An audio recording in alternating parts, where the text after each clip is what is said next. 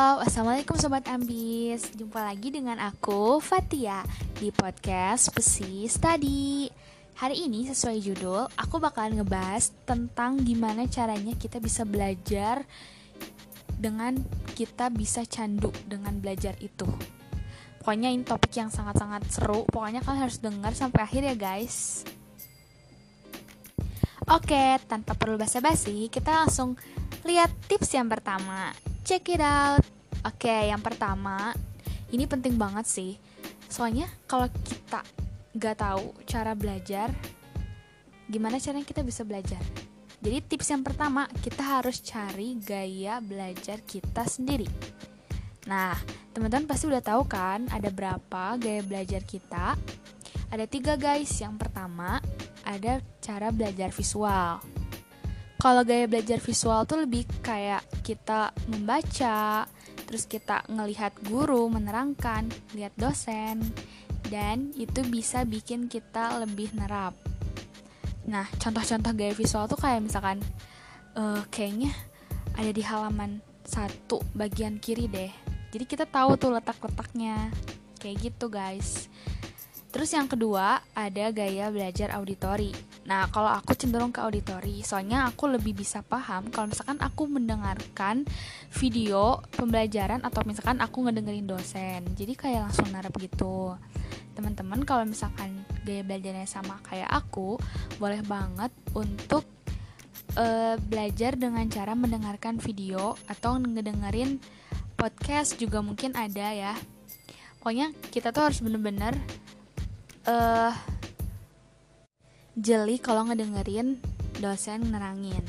Terus yang ketiga ada cara belajar kinestetik, di mana kita tuh harus terjun langsung gitu. Kalau misalkan mau belajar dengan cara kinestetik, kalau belajar kinestetik tuh lebih kayak lebih ke praktek ya. Dia lebih bisa belajar satu hal, tapi dia tuh harus langsung mempraktekannya.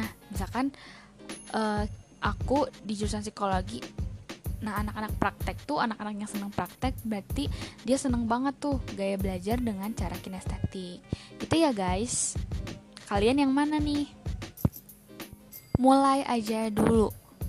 Nah, dengan kita belajar mulai aja dulu, kita tuh akan lebih bisa terkonsistensi setiap harinya.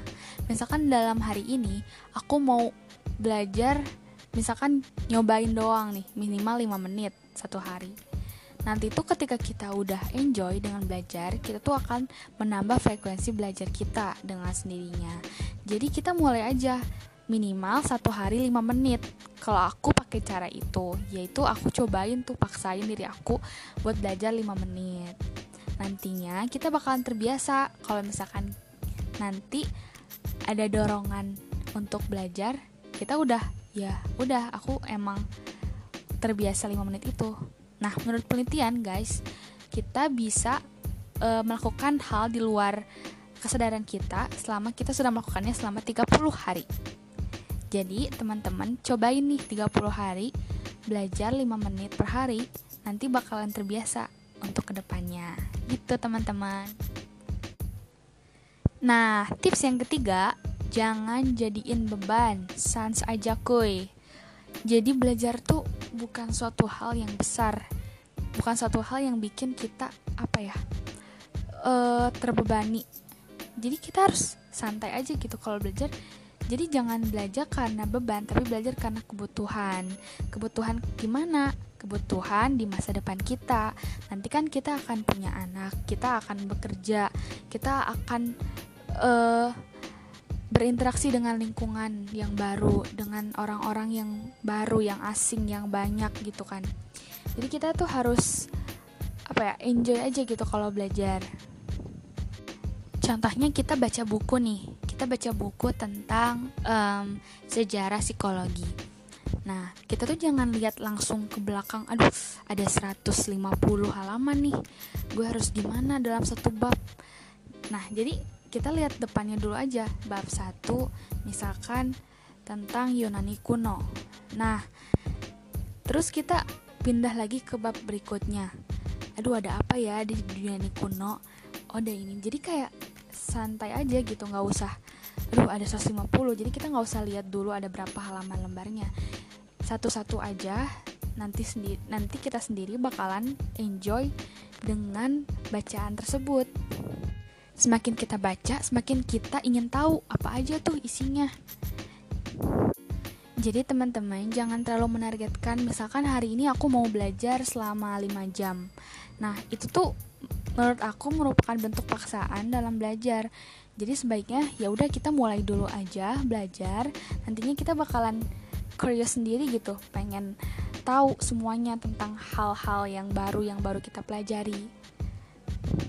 Tapi nggak ada salahnya juga sih kalau di awal kita punya target, misalkan hari ini aku mau belajar 5 jam Nah, tapi jangan sampai itu jadi paksaan ke diri kita ya. Jangan nge-push diri kita untuk harus segini gitu. Tapi gimana caranya kita bisa konsisten setiap harinya untuk belajar dengan uh, misalkan target hari ini aku harus paham tentang bab ini gitu. Jadi ya udah kan semua orang punya kapasitas yang berbeda-beda untuk belajar. Jadi kita pakai kapasitas kita sendiri untuk bisa memahami materi tersebut. Nah, jangan sampai kita tuh lihat orang yang udah dewa dalam belajar, udah tingkat tinggi, misalkan 10 jam dia kuat belajar, terus kita langsung ngikutin. Nah, nantinya kita bakalan burn out dan kita nggak uh, bisa gitu nggak bisa ngikutin cara itu mungkin satu hari bisa tapi selanjutnya kita nggak bisa jadi pakai cara kita sendiri aja buat uh, nerapin pembelajaran untuk diri kita sendiri. Gitu teman-teman. Tips selanjutnya, jangan overthinking. Nah, sebelum kita belajar, kita tuh kadang kayak aduh aku belum makan kayaknya aku harus makan aduh aku belum mandi kayaknya aku harus mandi aduh aku belum dan segala macem hal yang bikin kita tuh bakalan nunda belajar tersebut. Jadi sebisa mungkin kita tuh ya udah kalau misalkan meja udah siap, terus uh, tubuh mental udah siap ya kita tinggal langsung belajar aja gitu. Nggak usah mikirin banyak hal karena kebanyakan mikirin nanti kita nggak akan mulai-mulai.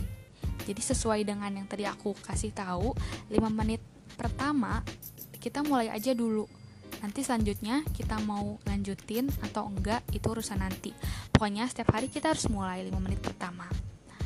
Nah tips yang terakhir yaitu adalah refreshing. Jangan lupa nih guys jangan kelamaan belajar. Kita juga butuh main gitu. Kita harus seimbang antara belajar dan juga main. Karena menurut aku main juga bikin apa ya kita tuh open minded gitu. Kita kan bisa bercengkrama dengan orang-orang kita bisa ngobrol kita bisa tahu gitu apa uh, bisa tukar pikiran dengan orang lain gitu. Jadi nggak nggak belajar tentang misalkan eksak nih kita juga belajar tentang sosial gitu kan. Tentu aja itu berguna banget buat nanti kita udah besar. Mungkin itu aja sih guys tips-tips dari aku. Mohon maaf bila masih banyak kekurangan. Jangan lupa tungguin podcast aku selanjutnya ya guys. Dadah assalamualaikum